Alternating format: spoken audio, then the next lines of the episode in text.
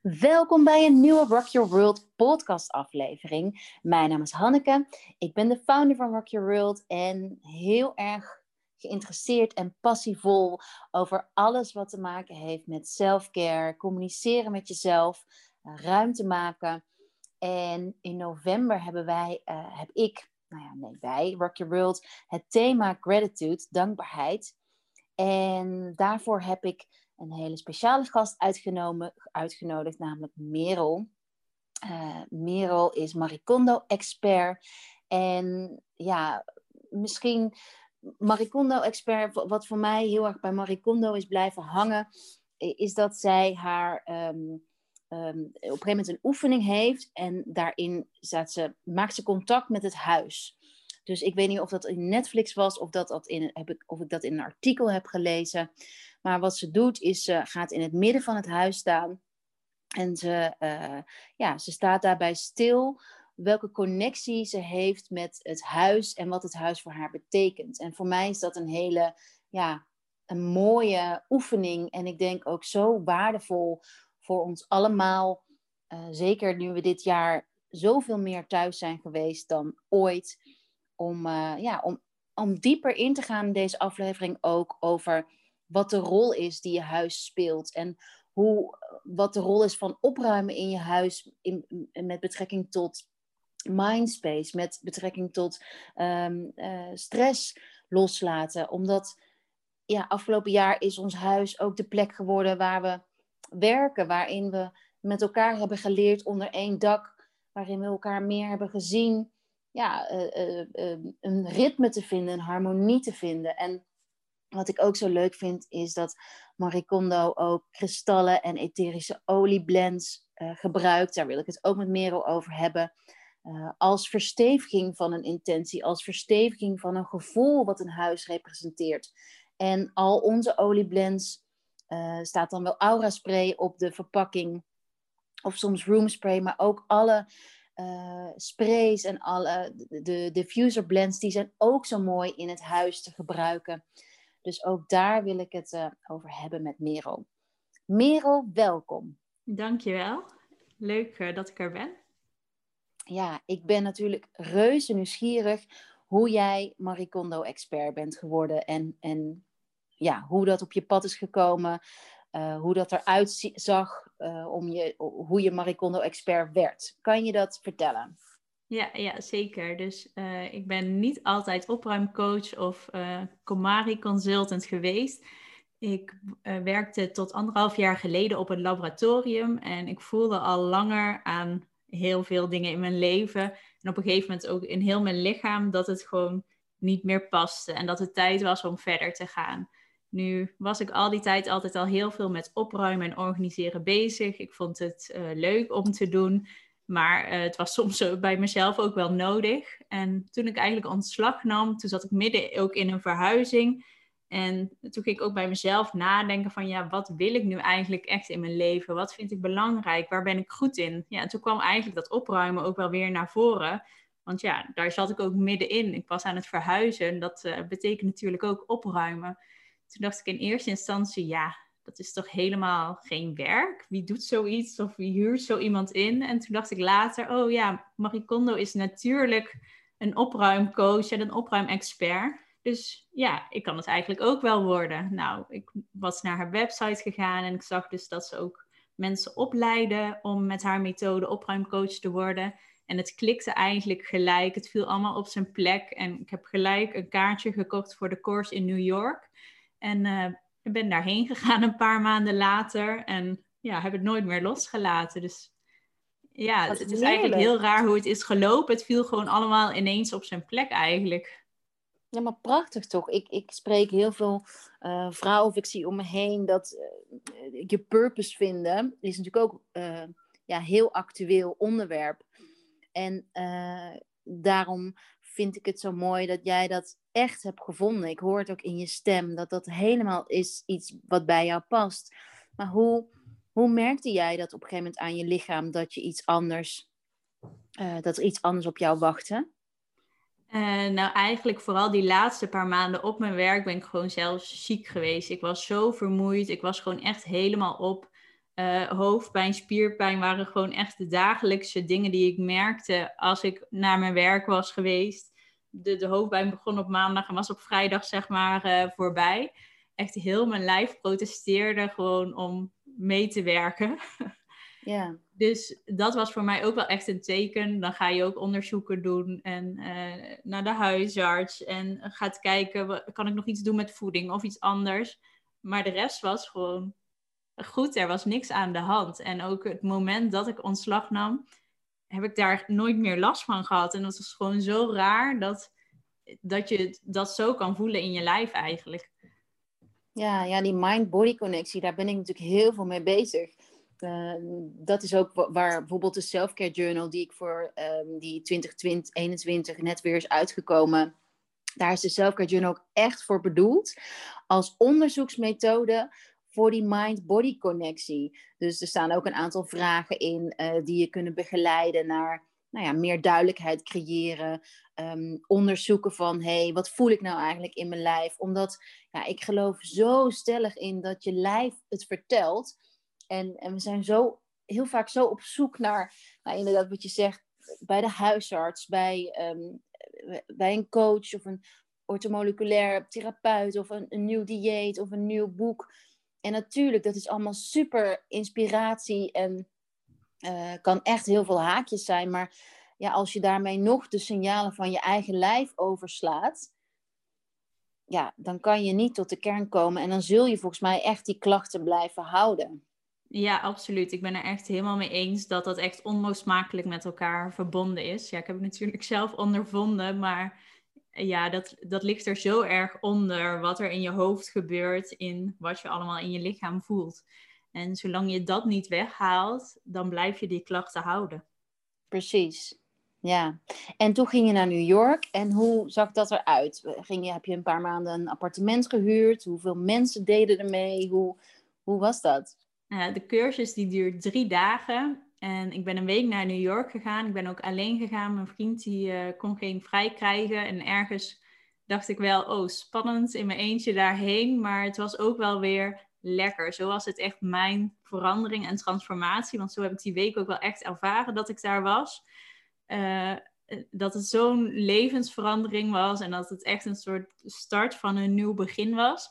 Dus ik heb eerst een paar dagen nodig gehad om weer te landen in New York en in een nieuwe stad en daar uh, de boel verkend. En toen was de cursus dus drie dagen in een uh, grote zaal. Ja, je kan het nu eigenlijk bijna niet meer voorstellen in deze tijd dat we daar met z'n honderden waren. Dus honderd vrouwen en mannen van over de hele wereld die naar New York met dezelfde droom waren gekomen. En dat was ja, zo mooi eigenlijk dat je daar met allemaal gelijkgestemden bent. Allemaal mensen met hetzelfde droom en doel en dingen die ze leuk vinden.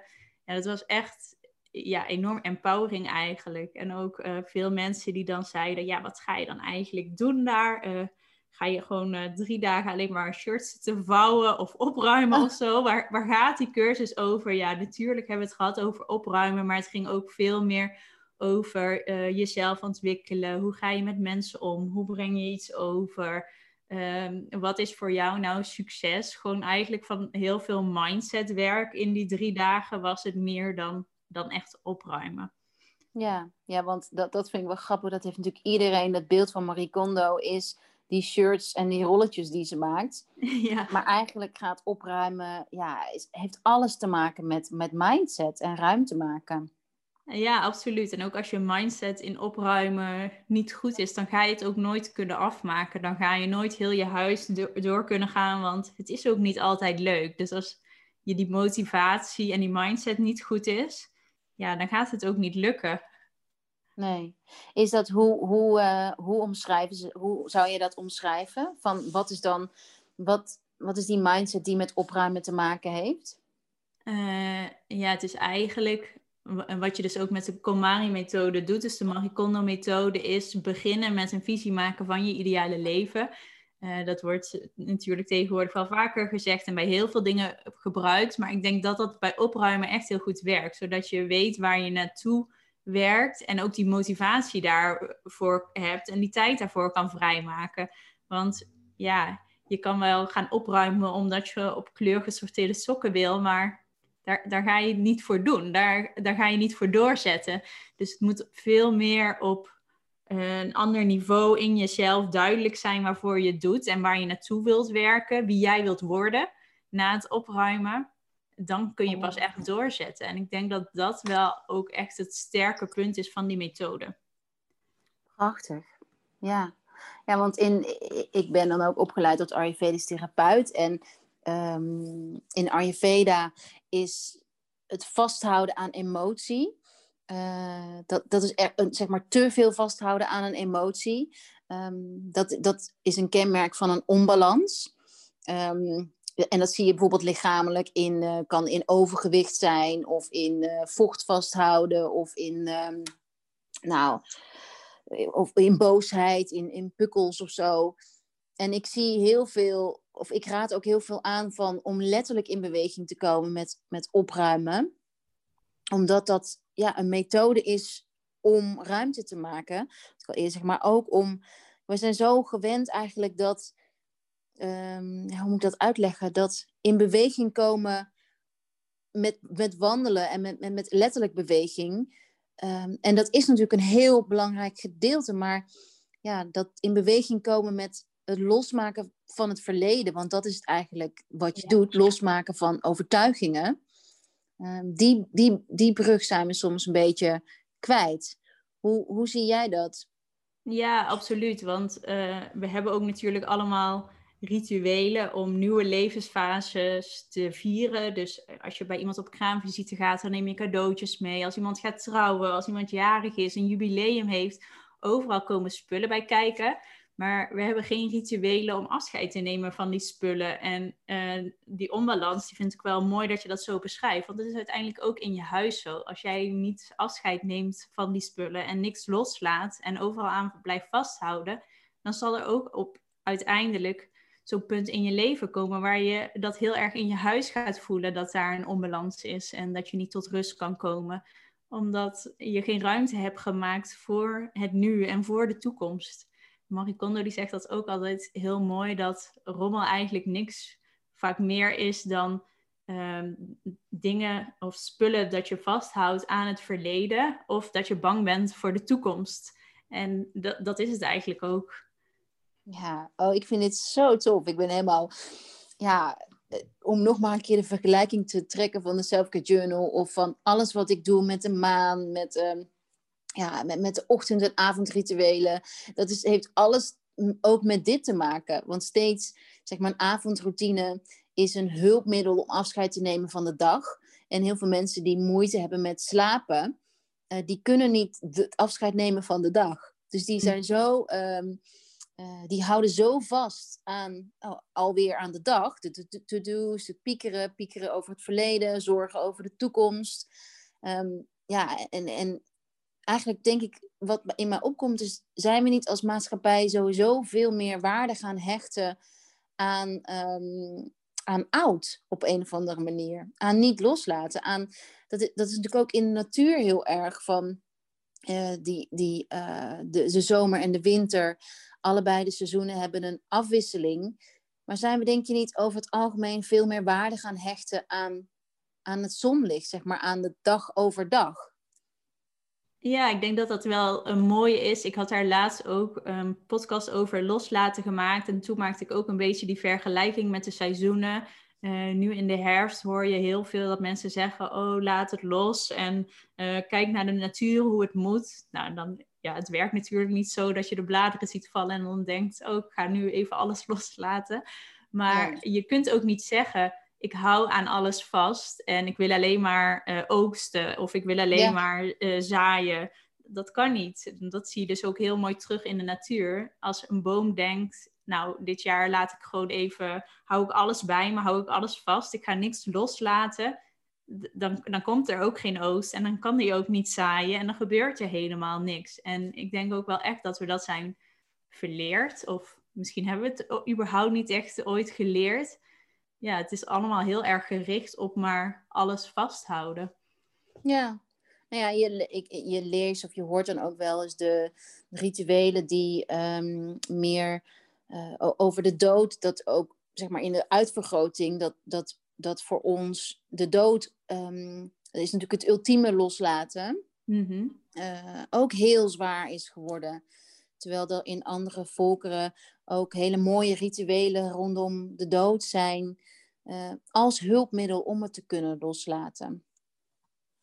En dat voor ons het eh, volgens mij wat ja, op een of andere manier op een gegeven moment alles met uh, rituelen, dat dat meer zweverig is geworden, meer spiritueel, in die hoek is geplaatst.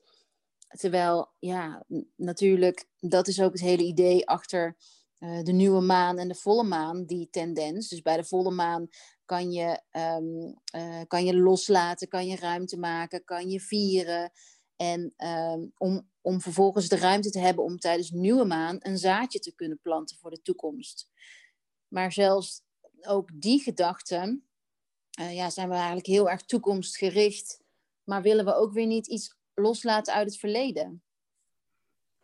Ja, het is ook wel een lastig iets. Wat veel mensen ook uh, dan denken is dat ze een herinnering bijvoorbeeld loslaten als ze spullen loslaten. Maar ja, dat is uiteindelijk niet, ook niet zo. Je laat die bagage misschien wel los, maar iets in je hart dat blijft voor altijd. Uh, met gekregen spullen. Dus ook als we het hebben over rituelen om dingen te vieren en dat er cadeaus bij komen kijken. Cadeaus zijn bijvoorbeeld echt de dingen die mensen het meest lastig vinden om weg te doen. En dan juist omdat ze denken dat ze het gebaar weggooien, maar zo'n zo'n gebaar vergaat niet. En je kunt nog steeds heel dankbaar zijn voor het gebaar als je afscheid neemt en iets loslaat. Ja, mooi. En hoe, waar, wat adviseer je dan? Waar begin je? Uh, ja, eigenlijk begin je bij het meest makkelijke en dat is kleding. Dus de methode van Marie Kondo die heeft een bepaalde volgorde en die gaat van makkelijk naar steeds moeilijker. Je begint bij je kleding, dan ga je door naar je boeken, dan doe je papier. Die is niet per se makkelijk of moeilijk, maar die is gewoon niet zo leuk. Dus daarom zit hij in het midden, zodat je doorzet. Uh, daarna komen alle overige spullen in het huis. Dat heet komono in het Japans. En als laatste sentimenteel. En uh, het idee achter dat je begint met de kleding is eigenlijk omdat het heel dicht bij je staat en omdat je daar een, uh, een groot gevoel bij hebt. Bijvoorbeeld keukenspullen, die staan wat verder van je af. En als je dan jezelf moet afvragen, word ik hier blij van?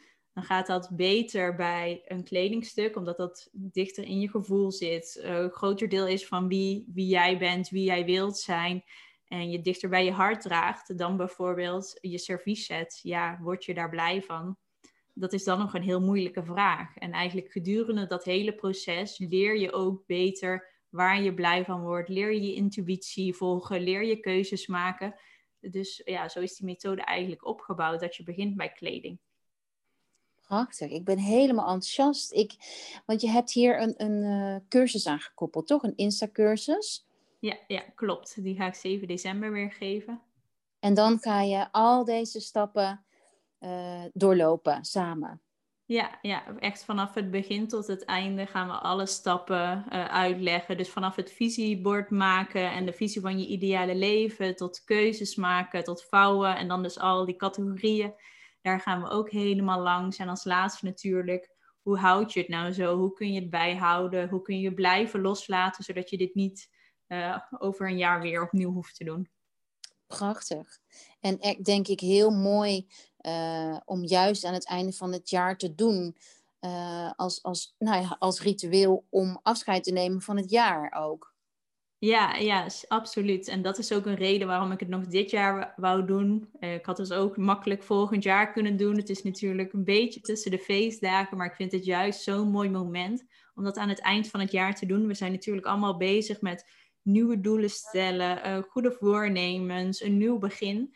Maar ja, zoals we net zeiden, je kunt niet uh, een nieuw begin maken zonder dat je eerst ruimte maakt. Dus zo'n jaar afsluiten kun je echt op een hele mooie manier doen met opruimen. Het is een beetje reflectie van hoe was het afgelopen jaar? En welke spullen heb ik daarin verzameld? Wat zegt dat over mij? Waar kan ik uh, ruimte voor maken? Wat wil ik loslaten? Dat is gewoon een hele mooie afsluiting aan het einde van het jaar. En ook als je al redelijk opgeruimd bent. Dus ik hoef eigenlijk niet op te ruimen. Ik ben gewoon opgeruimd. Maar ook ik doe het elke keer weer aan het einde van het jaar. Weer even overal doorheen. Ook op mijn computer bijvoorbeeld om toch weer even te kijken van waar kan ik nog ruimte maken voor het nieuwe jaar. Mooi. En hoe, hoe als jij terugkijkt op afgelopen jaar, als jij reflecteert, wat, wat, wat, waar, wat komt er dan bij je op? Nou, toch eigenlijk een heel rustig eh, jaar. Mijn goede voornemen vorig jaar, ik zat hem toevallig vorige week nog terug te lezen, dat was ook nog meer die rust ervaren. En ik denk dat we door corona allemaal heel erg meer die rust en die huiselijkheid zijn gaan ervaren. En toevallig was dat bij mij ook uh, een doel. Maar dat zie ik wel echt heel erg. Dat eigenlijk mijn plekje nog belangrijker is geworden dan dat het al was. Mooi. En, en kan je nog iets vertellen over de connectie die Maricondo legt met dankbaarheid in je huis?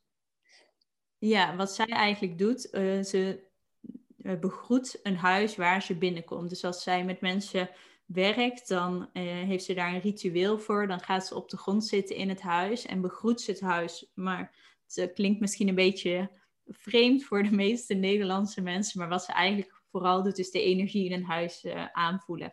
Als ik met mensen werk, dan vind, ja, in mijn ervaring is dat gewoon in de Nederlandse cultuur heel ongemakkelijk als iemand dat op de grond gaat zitten en zo'n ritueel als het ware uitvoert. Ik doe het meer, uh, wat, wat meer, ja, hoe noem je dat, onbewust. Dus ik voel die energie ook wel aan en ik luister ook een beetje naar wat het huis nodig heeft. Of ik kijk daarna, maar ik doe het niet op haar manier dat je echt gaat zitten in je huis. Maar ook in mijn eigen huis doe ik dat, het begroeten eigenlijk. Gewoon als ik weer thuis kom, dan denk ik wel, hoi huis, en fijn dat je er weer bent. Fijn dat je er altijd voor mij bent. Dus dat is eigenlijk een manier dat je toch weer dankbaarheid kan tonen aan je eigen huis. En uh, wat ze daarnaast ook doet in dankbaarheid, is je spullen eigenlijk bedanken als je ze loslaat. En dat maakt het ook wel makkelijker. Als je uh, bijvoorbeeld een kledingstuk niet meer uh, wilt hebben, omdat je er niet meer blij van wordt, uh, dat kan soms lastig zijn. Dan ga je denken, goh, maar het is zonde. Of ik heb er zoveel geld aan besteed. Terwijl als je er dan dankbaar bent voor de dienst die het je heeft bewezen, dan is het veel makkelijker om het te laten gaan dan dat je het gewoon op de neestapel gooit. Dus eigenlijk alle spullen die je, waar je afscheid van neemt, daar toon je ook dankbaarheid toe. Prachtig. Ja, en, en daarmee zeg je ook, Ehm, maak je ook ruimte voor dat nieuwe begin. Wat, wat we natuurlijk al eerder hebben gezegd. Omdat zeker bij kleding zie je natuurlijk zoveel um, vasthouden aan het verleden. Van oké, eens kan ik deze jurk nog aan. Of deze jurk staat daarvoor. Of ja, soms koop je kleding ook met een bepaalde emotie. Um, van een belofte. Ja, en... ja, voor mij ja, is het zo verbonden met eigenwaarde. En moment dat je dus eigenlijk daar kritischer naar kijkt, ruim je ook op in die beperkende overtuigingen rondom die je hebt rondom eigenwaarde, neem ik aan. Ja, absoluut. En het is ook soms koop je een kledingstuk alleen maar omdat je je die dag slecht voelt en draag je het daarna nooit meer. Ja, dat is natuurlijk heel jammer, maar ja, als je er dan maar om die reden aan blijft vasthouden, ja, dat, dat gaat uiteindelijk niet, niet echt voor je werken op de lange duur. En als je dan gewoon dankbaar bent voor het moment dat dat kledingstuk toen je het kocht jou even goed heeft laten voelen, dan is het veel makkelijker om dat te laten gaan. Ik vond het ook wel een goede dat je zei van, oh die jurk, die pas ik misschien ooit wel weer of die doe ik wel ooit wel weer aan. Dat is ook iets wat we dan heel vaak uh, denken. Het is ook een houvast aan het verleden. Heel vaak bij vrouwen die uh, van, veel van gewicht wisselen, die zeggen dat ook vaak van ja, maar ik wil zo graag weer passen. En ik, ik wil het allemaal houden voor als ik het weer pas. Terwijl als ik dan ga vragen, oké, dus stel je bent dadelijk afgevallen en je kan dit kledingstuk weer aan. Zou je het dan weer met plezier aandoen? Zou je daar dan blij van worden? Of zou je dan liever iets anders willen? Ja, dan komt het uiteindelijk op neer dat we toch eigenlijk liever wel iets anders zouden willen. Want dat is dan misschien niet onze stijl. Dan past het weer niet bij wie, bij wie we dan zijn. Of bij wie we willen worden. En dan is het toch door er op die manier naar te kijken, toch in één keer een reden gekomen om er wel afscheid van te nemen en daar dankbaar voor te zijn. Ja. Kun je iets vertellen, want dat noemde je al eerder over, ehm, over wie je wilt worden. Hoe, hoe zie jij dat? Hoe heb jij die transformatie voor jezelf gemaakt? Van, van welk punt, van welk punt was A en welk punt ben je nu? dus mijn punt A, dat was eigenlijk gewoon nog uh, wel echt op het laboratorium en die fulltime baan. En ja, als ik daar nu naar terugkijk, terwijl het dus anderhalf jaar tot twee jaar geleden is, is het gewoon heel lastig voor te stellen dat ik daar was. Maar ik heb wel voor mezelf toen eh, een beeld gemaakt met waar wil ik naartoe, wie wil ik zijn. Dus ik wil meer rust, ik wil iets doen waar ik blij van word, ik wil iets doen uh, waar ik passie voor heb. En dat voor mijn gevoel iets toevoegt. Uh, in wat voor omgeving wil ik bijvoorbeeld ook wonen. Dat soort dingen heb ik ook heel sterk gevisualiseerd. En het opruimen is als het ware een middel daarin, omdat je dan gaat kijken welke van mijn spullen dienen dat doel en welke niet meer en kan ik met dankbaarheid laten gaan. En door afscheid te nemen van die spullen maak je dan dus ook weer ruimte en werk je naar dat punt toe, naar de persoon die jij wilt zijn. Want als jij jezelf omringt met allemaal spullen die niet passen bij jouw levensfase, dan kun je ook niet groeien tot die persoon die jij wilt zijn. Nee, ja, zo mooi. Ik, ik herken dat zelf heel erg. Ehm, ja, ik herken het zelf op zoveel vlakken dat ik weet nog wel dat ik me helemaal niet goed voelde. Um, en daardoor bijvoorbeeld keuzes in mijn huis niet kon maken. Terwijl uh, mijn maan staat in kreeft. Ik weet niet of je iets van astrologie toevallig weet. Maar uh, kreeft is het teken wat staat voor huiselijkheid, thuis, uh, een veilig gevoel creëren. En wat er voor mij gebeurde is, ik kon nooit heel erg tot rust komen thuis. Dus dat rustig op de bank zitten of echt dat gevoel van overgave, weet je, van hé, hé, ik ben thuis. Dat, dat had ik gewoon niet. En, uh, ja, en, dus ook de grootst mogelijke moeite om spullen om me heen te verzamelen die, die een verlengstuk waren van mijn persoonlijkheid. En afgelopen jaar uh, ja, heb, ik dat, heb ik dat meer vorm kunnen geven. En dat, ja, dat, dat brengt zoveel meer rust. En waardoor je dus ook wel meer ruimte hebt om ja, die persoon te zijn die je graag wilt zijn. Mhm. En ja, ik vind dat wel mooi. Nou, als we het nogmaals, we zijn heel vaak gefixeerd op één ding. Dus bijvoorbeeld ehm, eh, een, een, liefdesrelatie of een, een carrière of nou, noem het maar op. Terwijl al die levensgebieden zo met elkaar verbonden zijn.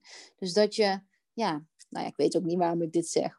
Maar meer, ja, ik hoop dat de luisteraar ja, misschien is, is probeert of onderzoekt van haar verhouding die zij überhaupt heeft met veiligheid en rust in relatie tot haar huis. Uh, ja, dat hoop ik eigenlijk. Ja, vaak stellen we dat ook uh, op de laatste plek. Laatst vroeg ik bijvoorbeeld op Instagram van, ja, wanneer zou het nou een moment zijn voor jou dat je uh, daar hulp bij willen krijgen bij opruimen? toen zeiden heel veel mensen, nou als het echt niet meer anders kan. En ja. Dus pas als het echt heel erg is, dan gaan we er iets aan doen. En pas dan geven we het prioriteit. Terwijl je zoveel tijd doorbrengt in je huis. Uh, het afgelopen jaar natuurlijk al helemaal. Maar we brengen er zoveel tijd in door. Het is zo'n groot deel van onszelf. Het moet echt jouw groeiplek en jouw oplaadplek zijn.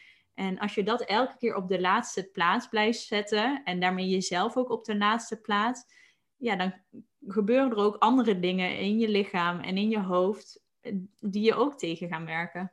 Nou, precies. Dat is, dat is inderdaad een vertaling van wat ik bedoel. En mhm. in dat verlengstuk um, wil ik het ook heel graag nog met je hebben over uh, de rol van kristallen en etherische olie, uh, olieblends. Ben jij daar bewust mee bezig? het begint steeds meer te komen. Maar uh, ik, ik, ik, wil er nog wel meer over leren. Dus ik vind het daarom ook heel interessant dat we dit gesprek hebben. En uh, heel mooi om te zien altijd wat jij doet op Instagram. Ja, ja de, de kristallen die... Um, ik zal je ook... Heb je mijn boek, Rock Your Crystals? Ja. Oh, daar staat ook volgens mij, uh, nou weet ik zeker, iets over je huis in. En um, de kristallen die ja, die representeren natuurlijk een bepaald gevoel. Want Marie werkt wel met kristallen, toch? Ja, klopt. Het is niet iets wat ze echt in haar methode meeneemt, maar ze heeft sinds kort een shop en is daar ook meer in aan het delen. Dus uh, ja, ik vind het wel ook echt heel mooi om daarmee nog extra uh, die ruimte en die sfeer te creëren eigenlijk. En die energie goed te zetten in je huis. Precies, dat is, dat is wat het doet. Is dat een kristal heeft natuurlijk een bepaalde, nou ja, net als, net als alle andere spullen in je huis, een, een, een verlengstuk van een gevoel, van een emotie. En een kristal kan die emotie reflecteren. Dus bijvoorbeeld een rozenkwarts heeft de energie van liefde, van zachtheid, van kom maar bij mij. Dus een mooie grote rozenkwarts zal ook, die, ja, zal ook die, uh, dat gevoel bij je oproepen. Uh, zo werk ik met kristallen. Dus uh, bijvoorbeeld lichtere kristallen in de vensterbank. Volgens mij zegt Marie Kondo dat ook, Feng Shui in ieder geval. Door de mm. ramen is natuurlijk een um, methode om licht binnen te laten. Uh, dus op het moment dat je mooie lichte kristallen voor het raam zet, ja, is dat eigenlijk een uitnodiging om dat licht binnen te laten. En voor, zegt Marie Kondo ook iets over de ramen wassen en zo? Nee, ze heeft het niet in haar methode, zoiets, of in de boeken over de ramen wassen. Oké. En, en uh, geur? Want geur is dus, um, nou ja, heel, wat ik, laat ik zeggen wat ik doe. Dus um, jij vertelde ook inderdaad over die, uh, over dat op de grond zitten en contact maken met het, met het huis. Mm -hmm. En uh, wat ik heel vaak doe in mijn opruimrondje, is als ik heb schoongemaakt, spuit ik onze energizing spray. En die bevat salie en rozemarijn. En het is voor mij een soort van symbool van, uh, ja, het, eigenlijk het loslaten weer van het oude. Dus rozemarijn en salie staan heel erg voor um, schoonmaken. Dus het zijn hele uh, verwarmende, pittige kruiden. En op het moment dat je zo'n handeling doet, althans zo werkt het van mij, van in de hoeken spuit ik dan wat van die energizing spray, is het alsof ik mezelf ook weer toestemming geef om een stukje weer los te laten. Ik denk ook sowieso dat een huisgeur dat dat heel belangrijk is. Dus uh, ook met etherische oliën of met een andere parfum of diffuser of, wat dan ook. Omdat het toch een soort referentie is. Het is hetzelfde als jij uh, een lekkere kop thee of zo ruikt. Dan krijg je gelijk zo'n signaal of zo'n connectie die je in je hoofd legt met... Oh, rust, oh, ontspannen als je dat ook voor huiselijkheid kan creëren, dan is dat zo enorm belangrijk. Precies, dat is, dat is waar ik continu mee bezig ben. Um, met gevoelens, een, geur die je kan helpen met het uh, triggeren van een gevoel. Dus bijvoorbeeld onze energizing spray helpt je met loslaten. Dus ook voor momenten op de dag Um, heb bijvoorbeeld een Bizen spray en die bevat rookkwarts en um. En die Bizen spray helpt je heel erg om de elektrostraling van een computer. Dus een computer wordt heet. Uh, en die heeft natuurlijk met wifi en allerlei, nou ja, dat is gewoon warmte.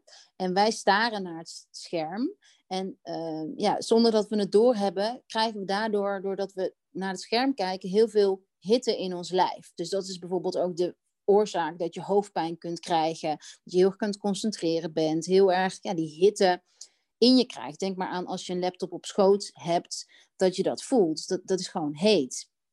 En uh, dus zo'n klein ritueeltje van uh, de Bizen spray of tussendoor of bijvoorbeeld aan het eind van je werkdag spuiten, is dan alweer een, een signaal aan je hersenen van uh, hey, het is nu oké om de werkdag los te maken, los te laten en weer ruimte te maken voor uh, een ander deel waar je huis bedoeld voor is, namelijk voor tot rust komen.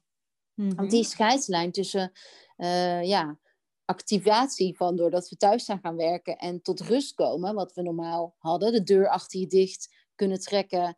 Um, op het moment dat je klaar bent met werk, de deur van de kantoor dicht, dicht kunnen trekken. Dat, dat, dat missen we natuurlijk nu, want we zijn in die ruimte waar we ook werken en moeten ontspannen. Dus daarom zijn die kleine ritueeltjes van dat afscheid nemen, met de hulp van een spray bijvoorbeeld, ja, zo ontzettend, ja, in mijn ogen, ontzettend waardevol. Ja, absoluut. En ook het opruimen daarin. Dus aan het uh, begin van de dag, stel je werkt uh, aan de keukentafel omdat je geen eigen werkplek hebt in huis. Ruim dan eerst even de speelgoed op en de, de, de ontbijtborden. En pak dan je werkspullen erbij. En aan het einde van de dag ruim die werkspullen ook weer op en installeer de tafel weer, uh, zodat het een eettafel is. Zodat het niet de hele dag ja, een soort middelmatige functie heeft. Want het heeft twee functies tegenwoordig. En ook wat je zegt, die geuren, die werken daarin heel goed. Ik doe het zelf vaak met een, een lekkere geurkaars bijvoorbeeld. Die zet ik aan aan het begin van mijn werkdag en die blaas ik uit aan het einde. Dan ga ik opruimen en dan is mijn werkdag ook klaar. Prachtig, ja. Leuk. En, en ehm, ja, is er nog een afsluitende tip? Neem je in de cursus ook iets mee over de rest van je huisgenoten? Of is het echt gericht op, op jou en volgt dat, dat andere richting? Bijvoorbeeld iets met kinderen, dat volgt vanzelf? Of hoe, hoe zit dat? Eh, ja, opruimen is wel echt iets wat je voor jezelf doet in eerste instantie. Dus in dat opzicht is het ook zeker self-care. Uh, je kijkt daarin heel erg naar jezelf en waar jij blij van wordt. En dat kun je natuurlijk niet voor iemand anders uh, bedenken. Wel als je hele kleine kindjes hebt, dus nog onder de vier jaar, ja, dan ben jij wel verantwoordelijk voor die spullen. Maar daarboven kunnen ze vaak al heel goed daarin zelf meegenomen worden. In de cursus heb ik daar ook wel kort over hoe je omgaat met huisgenoten die daar geen zin in hebben. Hoe je je kinderen toch een beetje kan activeren daarin om mee te doen en ze een beetje mee te nemen. Dus daar gaat het wel een beetje over. Maar in eerste instantie is het echt iets voor jezelf. En geloof ik ook heel erg daarin dat uh, stel je partner of je kinderen die geven aan daar nu helemaal geen zin en behoefte aan te hebben. Zodra jij dat goede voorbeeld gaat geven en daar positief in gaat staan, dan verandert dat bij hun ook echt wel. En dan wordt het zo anders dan wanneer jij continu gaat zeggen: je moet opruimen, ga het nu doen het moet gewoon, ik wil dat het opgeruimd is. Dat werkt uiteindelijk niet. Die energie die je dan uitzendt, daar gaan ze niet mee aan de slag gaan. Terwijl als jij je eigen verantwoordelijkheid neemt, daar zelf mee bezig gaat, daar positief over wordt en er een feestje van maakt. Want dat wil ik uiteindelijk ook heel graag doen met mijn cursus. Dat je opruimen kunt gaan zien als een feestje en als een festival. Dan komt de rest denk ik uh, vanzelf en dan worden ze daar vanzelf mee aangestoken. Prachtig. Ja, en dat geldt natuurlijk voor alles. Ja. Want ik hoor ook heel veel vrouwen terug van, uh, nou, in elke verandering, ik denk de afgelopen jaren dat vrouwen zich heel erg zijn gaan ontwikkelen. Veel meer interesses hebben in spiritualiteit, in nou, van alles en nog wat. En dat het soms wat, um, nou ja, wat, wat wrijving kan geven in, de, uh, in relaties of in, nou, rondom kinderen. Maar eigenlijk wat je zegt, ja, is daarin ook heel erg toepasbaar. Focus, leg de focus op jezelf, want je kunt een ander niet veranderen. En hoe, hoe ja, en eigenlijk komt het vanuit daar vanzelf bij de ander. Ja, absoluut. Ik hoorde dat ook van oud-deelnemers van de cursus, dat ze echt helemaal verrast en verbaasd waren dat de rest van het gezin zo goed mee ging doen en dat het in één keer een familieding werd om het huis op te ruimen. Terwijl ze dat van tevoren nog niet eens hadden durven dromen. Maar dat ze er dan toch iedereen mee aansteken. En zo werkt het gewoon in heel veel dingen. Als jij die positieve energie daarin gaat uitstralen, ja, dan, dan inspireer je daar mensen mee en dan komt de rest vanzelf. Prachtig. Ja, en eigenlijk, als ik er nu weer langer over nadenk, is het ehm, de herinneringen die je natuurlijk in je kindertijd verzamelt. Ja, die zijn, leggen natuurlijk zo'n fundament voor de rest van je leven. Dus wat dat betreft is het ook nog eens super waardevol voor je kinderen, voor de opvoeding van je kinderen. Uh, ja. dat je ze daarmee ook onderleggend leert dat het oké is om los te laten. Ja, zeker. Dat, dat speelgoed niet voor altijd mee hoeft te gaan. En uh, dat er op een gegeven moment ook gewoon een tijd is dat je daar afscheid van moet nemen. Ik hoor dat ook heel vaak dat ouders dat gelijk zeggen. Ja, maar mijn kind die wil aan alles vasthouden ja, neem me mee in dat proces. Um, motiveer ze daar in een op een positieve manier in. Inspireer ze. En laat ze zien dat het ook anders kan. Want ze hoeven niet aan alles vast te houden. Ze weten gewoon uh, nu nog niet hoe ze het kunnen laten gaan. Nee, in die zin is, is dat ook het creëren weer, het creëren van veiligheid. En dat is natuurlijk zo'n zo'n sterke basis. Als jij leert aan je kind um, dat er genoeg is, überhaupt, op de wereld. En dat het dus niet, ehm, ja, dat je dus ook niet aan levensfases hoeft vast te houden. Uh, ja, dat is natuurlijk een hele mooie, belangrijke boodschap. Want on, onbewust, ja, misschien ga ik nu iets te diep, maar ik merk heel erg dat als je onbewust. Uh, kijk, ik ben best wel een melancholisch persoon van aard. um, dus heel, ik kan al heel erg bezig zijn ook met eh, de fases van mijn kinderen. Dus ja, nu, zijn, nu is, is Louis, mijn jongste, nog klein. Maar straks gaat hij, nou, ik ben nu al bezig, over twee jaar gaat hij al naar de basisschool. Maar ik geloof heel erg dat een kind, die voelt dat natuurlijk heel erg van welke ruimte geef je mij om te ontwikkelen? Um, kan je me volgen of ben ik te vaag? Nee, nee, nee, ik kan je absoluut volgen. Ik denk dat je daar helemaal gelijk in hebt. Dus op het moment dat je als ouder de ruimte schept, de veiligheid voor je kind, zeg maar om het Peter Pan-syndroom van niet te willen opgroeien, um, ja, dat je daar je kind gemakkelijk mee maakt dat er voor alles een fase is, ja, dan geef je zo'n ontzettend belangrijk fundament van die, um, ja, van het, dat het oké is om te groeien. Want dat is het eigenlijk. Het is oké om te groeien. En, ja. en ook überhaupt natuurlijk die rituelen. Bepaalde geuren in huizen, rituelen van... geeft veiligheid aan een kind. Elke routine geeft veiligheid. Dus samen, weet ik veel, inderdaad de tafel opruimen voor het eten wordt dan een signaal van hey, het is veilig, het is rustig om te gaan eten. Want nu zijn mijn kleurtjes weg, dus ik hoef niet meer te multitasken. Ik mag één ding tegelijk doen. En ik denk dat dat ook iets is wat we met z'n allen heel erg kunnen leren.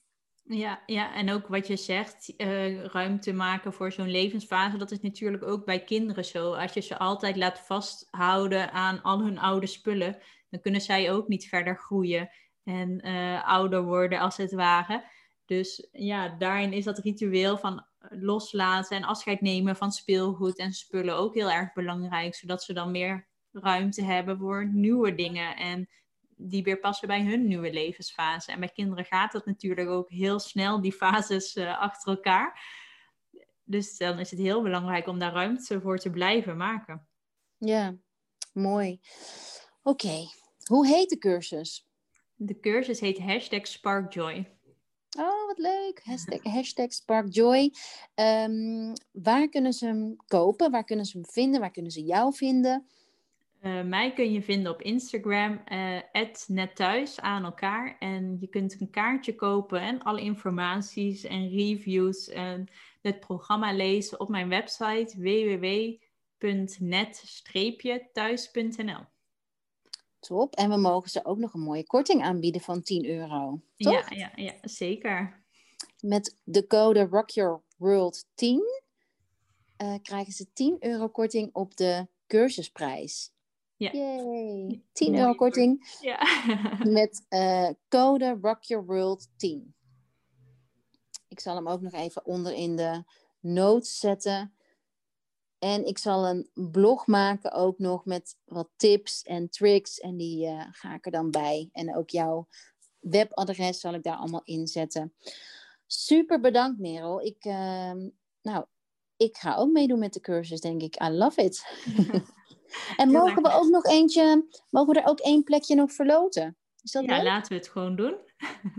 ja, als, uh, als de luisteraar een screenshot maakt van de podcast of, of eh, nou, een manier vindt om het, uh, de podcastaflevering te delen via haar stories, via jouw stories uh, en ons tagt. Dus dat is @netthuis mm. en at rockyourworld.ryw. Dan verloten we één plekje. Ja. Toch? Ja, leuk. Heel leuk. Oké, okay, Merel, dankjewel voor je tijd. En uh, nou, tot 7 december als ik mee ga doen. en ja, je bent hartstikke welkom. Leuk. Alright, fijne dag. Hetzelfde. Doei. Doei.